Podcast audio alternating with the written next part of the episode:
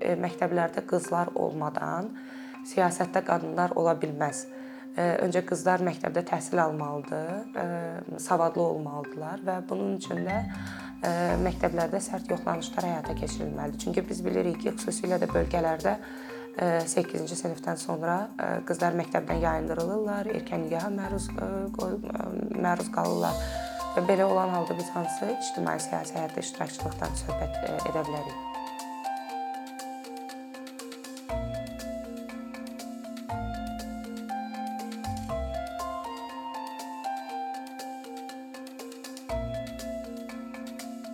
Qadınların ictimai-siyasi həyatda iştirakçılığı onların qərarvermə pillələrinin hər birində iştirak etməsi və kişilərlə bərabər şəkildə söz sahibi olması deməkdir.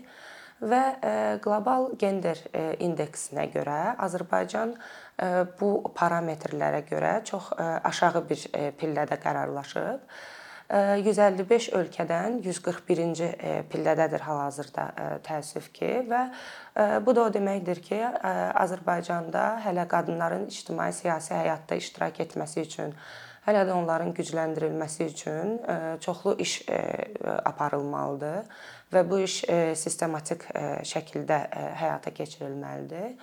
Və biz sadəcə rəqəmlərə baxanda görürük ki, Azərbaycanda hal-hazırda heç bir qadın icra başçısı yoxdur.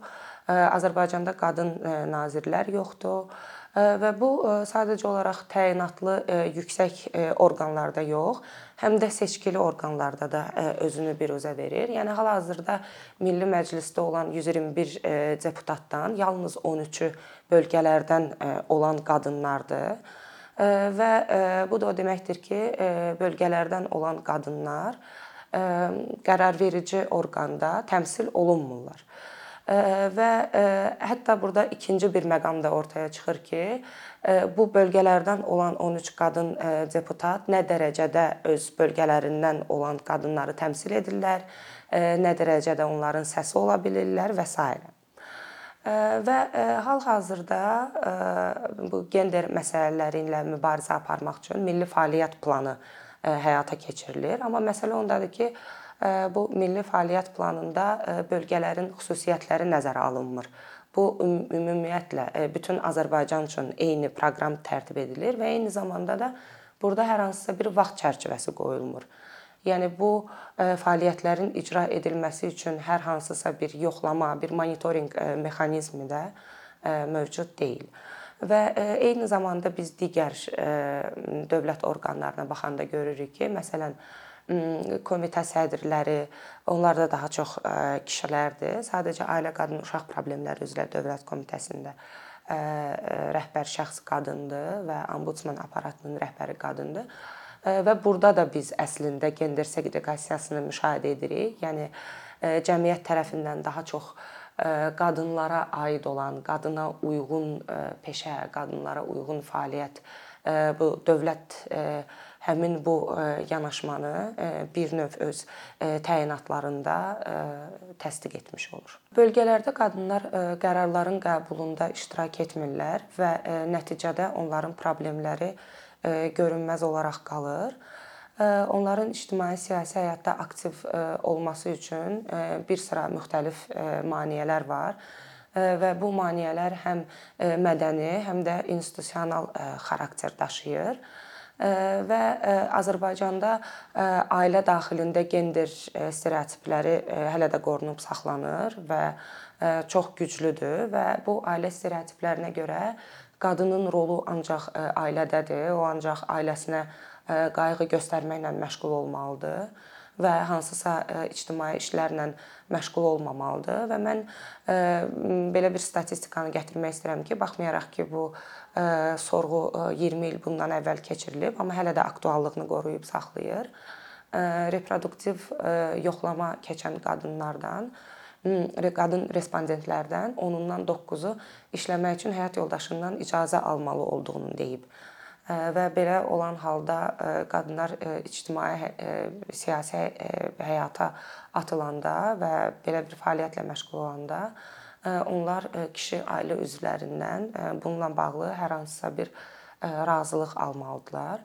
Eyni zamanda qadınların sadəcə olaraq vaxtları olmur, çünki onlar görünməz əməklə məşğul olurlar. Evin bütün qayğı işləri qadınların üzərindədir və onlar ailəni yeməklə, təmiz paltarla, ev təsərrüfatında baş verən bütün işlərdən qadın məsuliyyətli hesab olunur və hal-hazırda məsələn bölgələrdə aktual olan su problemi də qadınlara çox ciddi təsir edir bu mənada. Çünki qadınlar çox uzaq məsafələrdən su daşımalı olurlar, daha sonra suyu keyfiyyətli hala salmaq üçün müəyyən prosedurlar həyata keçirməli olurlar və bu da onlar üçün əlavə vaxt itkisi deməkdir.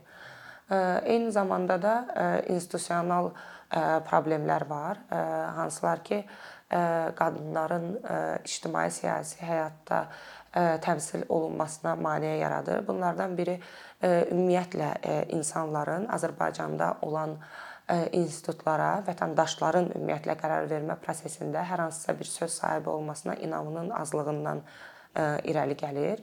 Qadınlar da düşünürlər ki, onsuz da bu ölkədə bir çox şeyə vətəndaşları özləri qərar vermir və onların ictimai-siyasi həyatda hər hansısa bir fəaliyyətlə məşğul olması nəyisə dəyişməyəcək. Vəziyyətin dəyişməsi üçün hal-hazırda müxtəlif təşəbbüslər və layihələr həyata keçirilir. Lakin bu layihələrdə problem ondan ibarətdir ki, onlar daha çox nəticələrə fokuslanır. Daha çox belə deyək, iqtisadi məsələlərlə mübarizə aparmağı hədəfləyir. Yəni baxmayaraq ki, doğrudan da iqtisadi azadlıq qadınlar üçün çox vacib bir məsələdir və bir insanın ictimai-siyasi həyatda təmsil olunması üçün də vacib prerekvizitlərdən biridir, amma bu yeganə səbəb deyil və iqtisadi bərabərsizliyin qadınlar və kişilər arasında həyata yəni yaranmasının ən böyük səbəbi elə məhz gender stereotipləridir. Yəni bir tərəfdən gender stereotiplərinlə mübarizə aparmadan qadınları sadəcə olaraq iqtisadi olaraq səlahiyyətləndirməklə hər hansısa köklü dəyişikliklərə nail olunacağına mən inanmıram. Hal-hazırda BMT-nin və Dövlət Ailə Qadın və Uşaq Komitəsinin birgə həyata keçirdiyi bir layihə var. Onlar regionlarda 11 resurs mərkəzi fəaliyyət göstərir, amma onlar məsələn məişət zorakılığı qurbanları üçün nə qədər əlverişlidir və yaxud da ki, qadınların gücləndirilməsinə nə qədər töhfə verir, bunu da əlbəttə ki, zaman göstərəcək. Bildiyimiz kimi qeyri-hökumət təşkilatları və icma əsaslı təşkilatlar onlar ümumiyyətlə cəmiyyətin inkişafında çox yüksək bir rola malikdirlər. Amma Azərbaycanda vəziyyət belədir ki, ümumi qeydiyyatdan keçmiş 4000-ə yaxın 3600 qeyri-hökumət təşkilatından yalnız 200-ü qadın təşkilatı olaraq adlandırıla bilər və baxmayaraq ki, Azərbaycanda qadınlar əhalinin yarısını təşkil edir, onları təmsil edən QHT-lərin nisbəti, faizi sadəcə 7%dir ümumi QHT sayından və bu 7% QHT-nin yalnız 11%-i bölgələrdə yerləşir. Yəni bu çox az bir rəqəmdir. Və belə olan halda əlbəttə ki, qadınların problemləri ilə məşğul olan qeyri-hökumət təşkilatları, onların sayı artmalıdır. Sayının artması ilə yanaşı onların həm də keyfiyyətinə də nəzər yetirilməlidir. Çünki biz son zamanlar daha çox Qonqo adlandırdığımız təşkilatların fəaliyyətini müşahidə edirik. Bunlar hökumət yönümlü qeyri-hökumət təşkilatlarıdır, hansı ki problemin kökünə yox, problemin dərinliyinə enmirlər və sadəcə olaraq ümumi ifadələrlə daha çox cəmiyyətin üzərində belə deyim, məsuliyyəti cəmiyyətin üzərinə atmaqla halbuki biz bilirik ki, məsuliyyət ancaq səlahiyyət olduğu vaxt ortaya çıxır. Cəmiyyətin bir səlahiyyəti olmadığına görə hansısa məsuliyyətdən söhbət gedə bilməz və onlar bu cür yanaşma ortaya qoyurlar. Əlbəttə ki, mən qeyri-hökumət təşkilatlarının sayının artırılması lazım olduğunu deyəndə məhz həmin icmalardan olan qadınların ehtiyaclarını dilə gətirən təşkilatları nəzərdə tuturam və eyni zamanda da onların kapasitəsinin artırılması, bilik və bacarıqlarının artırılması da çox vacib bir məsələdir. Biz dəfələrlə şahid olmuşuq ki, qadınlar həmin o təşkilatlara müraciət edərkən retravmatizə edilirlər. Onlarla işləyəcək qurum kifayət qədər bacarıqlara sahib deyil bunu həyata keçirmək üçün və bu da düzəldilməlidir. Digər çox vacib bir məsələ də əlbəttə ki, sərt yoxlanışlardır məktəblərdə, orta məktəblərdə. Çünki məktəblərdə qızlar olmadan siyasətdə qadınlar ola bilməz. Öncə qızlar məktəbdə təhsil almalıdır, savadlı olmalıdırlar və bunun üçün də məktəblərdə sərt yoxlanışlar həyata keçirilməlidir. Çünki biz bilirik ki, xüsusilə də bölgələrdə 8-ci sinifdən sonra qızlar məktəbdən yayındırılırlar, erkən nikaha məruz məruz qalırlar və belə olan halda biz hansı ictimai siyasi həyatda iştirakçılıqdan söhbət edə bilərik. Daha sonra məsələn qadınlar üçün məkan olmalıdır. Qadınların toplaşa biləcəyi, birlikdə müzakirə apara biləcəyi, öz problemlərini, öz nailiyyətlərini, öz uğurlarını paylaşa biləcəkləri təhlükəsiz bir məkan olmalıdır və təəssüf ki, bölgələrdə belə məkanlar mövcud deyil qadınlar üçün. Qadınların bilik və bacarıqları artırılmalıdır. Onların onlar üçün təlimlər keçirilməlidir. Onların liderlik bacarıqlarını artıran proqramlar həyata keçirilməlidir. Və eyni zamanda da nəzərə alsaq ki, hal-hazırdakı gender stereotiplərinə əsasən daha çox görünməz əmək, daha çox ev işləri qadınların üzərinə düşür. Buna görə də dövlət daha çox uşaqlara və yaşlılara qayğı müəssisələri deməli müəssisələrinin fəaliyyətinə başlamalıdır. Onları vətəndaşların istifadəsinə verməlidir. Çünki belə olan halda məsələn regionlarda uşaq bağçaları demək olar ki, bir, bir çox kənddə yoxdur. Hal-hazırda heç kənd demirəm, Gəncədə, Natəvan və Məhsəti qəsəbələrində orada məcburi olmasına baxmayaraq, yəni aktlar və normativlərə əsasən ordakı əhali sayına uyğun olaraq orada uşaq bağçası olmalıdır. Amma yoxdur və qadınlar öz uşaqlarının qayğısına qalmalı olurlar, əlbəttə ki, və onlar heç bir ictimai fəaliyyətlə buna görə də məşğul ola bilmirlər. Daha sonra məişət zorakılığı ilə bağlı mübarizə daha da sərt olmalıdır. Mən burada sərt deyəndə məişət zorakılığı törədənlərin daha ağır cəzalandırılmasını da ancaq nəzərdə tutmuram.